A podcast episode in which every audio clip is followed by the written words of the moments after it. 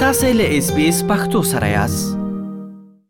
د ملګرو ملتونو په یوه تازه رپوټ کې راغلي چې په نړۍ کې له سل میلیونو څخه زیات خلک په جبري ډول بې ځای شوي دي. دا چې د ملګرو ملتونو د وروستي رپوټ مهم ټکي کوم دي په همدې اړه غواړم په بنکاک کې د ملګرو ملتونو د کډوالو د عالي کمشنرۍ د اړیکو له مسؤل ښاغلي بابر بلوچ سره مرکه ترسره کړم. ښاغلی بلوچ صاحب ډېره زیاته مننه چې موږ ته مو د مرکې لپاره وخت راکړ. ډېر زیات مننه مجیب جان کور دې ودان. بلوچ صاحب که په پیل کې مهرباني وکړئ او زمونږ له اورېدونکو سره معلومات شریک کړئ چې د ملګرو ملتونو د کډوالو د عالي کمشنرۍ یا یونیشسیار د وروستي رپورټ مهم ټکي کوم دي؟ مننه دا ریپورت چې پرون شایع شوی دی په دې کې زموږ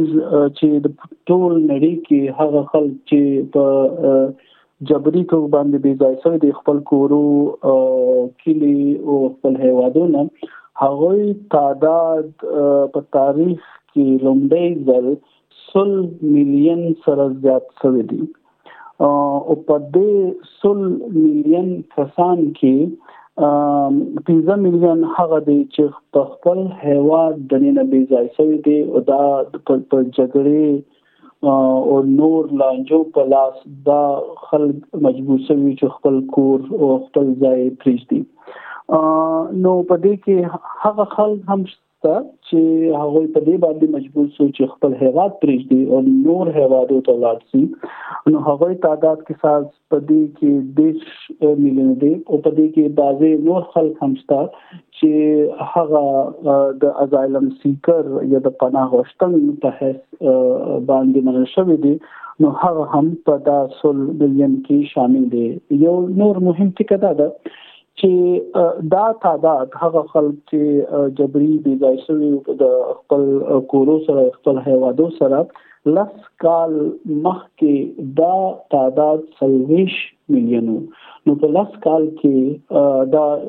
یوازې نه چې ډبل شوی دا بلکې د سل میلیون سره زیات شوی هم ده بلوچ صاحب په اوکراین کې د جګړې له امله هم یو زیات شمیر خلک بې ځای شوی دي د اوکراین له جګړې سره د بې ځای شویو کسانو په شمیر کې څومره زیاتوالی راغلی دی؟ بالکل جی دا روان کال کې د یوکرين جګړې په لاس شپږ لس میلیون کسان هغه دي چې د یوکرين دننه او د ځای سوي دي او د هغه سره سره د یوکرین ګاونډي هیوادو کې هم تللې دي پر ریفیوجي حس باندې په دې کې اته میلیون هغه دي چې د یوکرین د نن ویزا شوی دي او په دې کې شپږ میلیون سره زیات هغه دي چې رفیجی یا د کډوال حسبان ژوند کوي په نور هوادو کې نو دا چې ریپورت چې یونیسیار شایع کړی دی د دې ریپورت چې دایره کار وو یا هغه چې ټایم پیریډ وو او خو د تیر کال نو تیر کال چې د تیر کال پای کې چې ګلوبل ډیسپلیسمنت چې هغه خلک چې په نړۍ کې بي ځای شوی هغوی تعداد نویا میلیون وو او چې تاسو اوس چې مجدا د یوکرين والا هم شمیره په دې کې شامل کو نو اوس په دا وخت باندې په ټول نړۍ کې سل میلیون سره زیات کسان هغه دي چې هغه بي ځای شوي تاسو خو ډیرو خو جزئیاتو ته اشاره وکړه شمیرې مو شریک کړې د اوکراین د جګړې په اړه مو هم وویل چې څومره د بي ځای شوي کسانو شمیرې ورسره زیاتې شوې دي ډیری د کومو هیوادونو خلک بي ځای شوي دي کوم مهم هیوادونه څو هیواده دي چې ډیر خلک یې بې ځای شوي دي او دغه کسان کومو هیوادونو ته ډیر تللي دي نو په دې شمیر کې چې موږ وګورو سوریا سره لکه و میلیون کسان چې هغه بې ځای شوي دي چې په د کډوالي یا د ریفیوجي هیڅ باندې نور ملکو کې هوادو کې ژوند کوي په دې کې ونزویلا شامل ده افغانستان تاسو معلومه چې په تیر سلويش کالو کې چې افغانستان جګړه ناامني بې قراري د دې پلاس درې ټیکه 15 میلیون افغانان خپل هیواد د نن بي ځای دي بیا د دې سره سره قصاص 3 میلیون هغه هم دی چې په گاونډي هوادو کې د کډوالو یا په رفیجی هیڅ باندې الته ژوند کوي په دې شمېر کې ډېر زیات کسان د برما سره هم هغه دي چې مجبور شوي وو چې هغه په روهینګا ریفیوجیز چې تاسو ته یادي چې په بنگلاديش کې ژوند کوي په دې کې ساوث سودان او نور هیوادونه هم شامل دي نو خبره چې د جګړې او د فشار لاس چې خلک مجبور کیږي چې خپل هوا د خپل کور پریږدي نو ټول نړۍ کې د دې اثرات شته او او یو چې عام ټرند چې یو ټرند چې مخته راځي نو زیات تر کسان هغه چې مجبور سي چې ریفیوجیز جوړ شي یا بیزای سي او په دې باندې مجبور شي چې خپل هیواد پرې دي نو هغه د پرځاوندي هیوادو کې دي ځکه چې افغانستان وګوره ډیر زیات افغانان په پاکستان او په ایران کې ژوند کوي چې تاسو سوریا وګوري شام نو په هغه کې زیات تر ترکیه او نور هوادو کې د دې سره سره لکه اوس چې موږ وګورو چې هغه کسان چې مجبور شو چې یوکرين پریږدي هغه هم په خپل گاوندي هوادو کې اوسي اوسي ژوند کوي بلوچ صاحب په دغه رپورټ کې خو د افغانستان په اړه هم معلومات خپاره شوي دي آیا معلومه ده چې د افغانستان څومره خلک بې ځای شوي په ځانګړې توګه د طالبانو له حاکمیت وروسته څومره افغانانو افغانستان پریښی او بې ځای شوي دي بالکل جی افغانستان اوس کسات 40 میلیون خلک لري افغانستان ټوټل پاپولیشن چې چې نو زیاده نو په هغه کې کساس پنځه میلیون سره زیات کسان دي چې د افغانستان د ننه بي ځای شوي دي او په دا پنځه میلیون کسان کې درې ټیک پنځه میلیون هغه دي چې په جګړو لاس بي ځای شوي دي او په دې کې نور خلک هم ستا چې هغه د وچکالي او نورې لکه کلایمټ افیکټ چې موږ مزغه ته وایي هغه په لاس بي ځای شوي دي او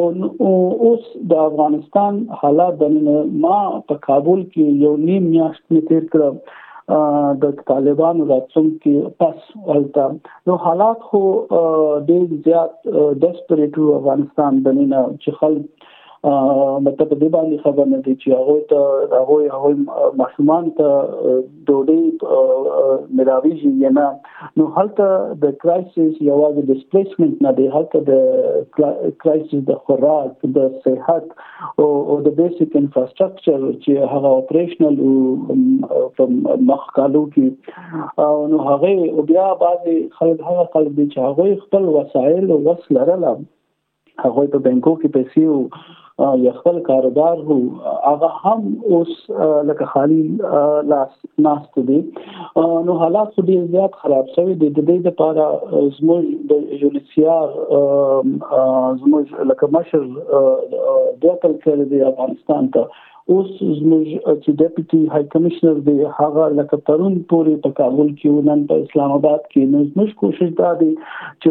د نړۍ ته دا وایو چې باید په دا وخت د افغانستان د نړۍ افغانستان کسان د نړۍ مدد طلبګار دي او بیا سره سره هغه کسان چې په ریفیوجی هیڅ باندې په گاوندی هوادو کې پاکستان او ایران کې ژوند کوي او نور لکه هغه چې هغه هوست کمیونټیز چې هغه پاملرنه کوي نو هغه ته هم باید مرسته ملاو شي بلوچ صاحب د ملګرو ملتونو د کډوالو عالی کمشنری په دې اړه څه نظر لري چې د دغه ستونزې د حل لار څه ده او د دوی غوښتنه له نورو هیوادونو څخه څه ده چې څرنګه دوی مرسته کولای شي دغه ستونزه حل شي؟ بلکل جی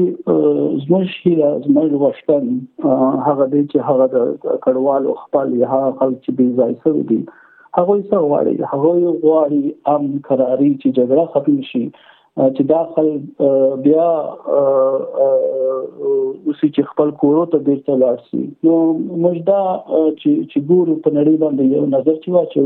نو جګړې زیات کیږي او د دې حل لار ستنه نو چې ټول نړۍ کې یو داسې پولیټیکل ویل نه چې دا جګړې خلاص کې دا ختمه کی او او باید دا کار هم وکړي چې نور نوې جګړې شروع نشي او ته هغه وخت پورې موږ لکه هغه دا د تشويش چې دا شمیر به هر راتلونکي کال کې د زیات کیږي کمیږي نه خغلی بابر بلوچ له تاسو نه ډیره زیاته مننه چې دغه مهم معلومات مو زموږ لاوریدونکو سره شریک کړه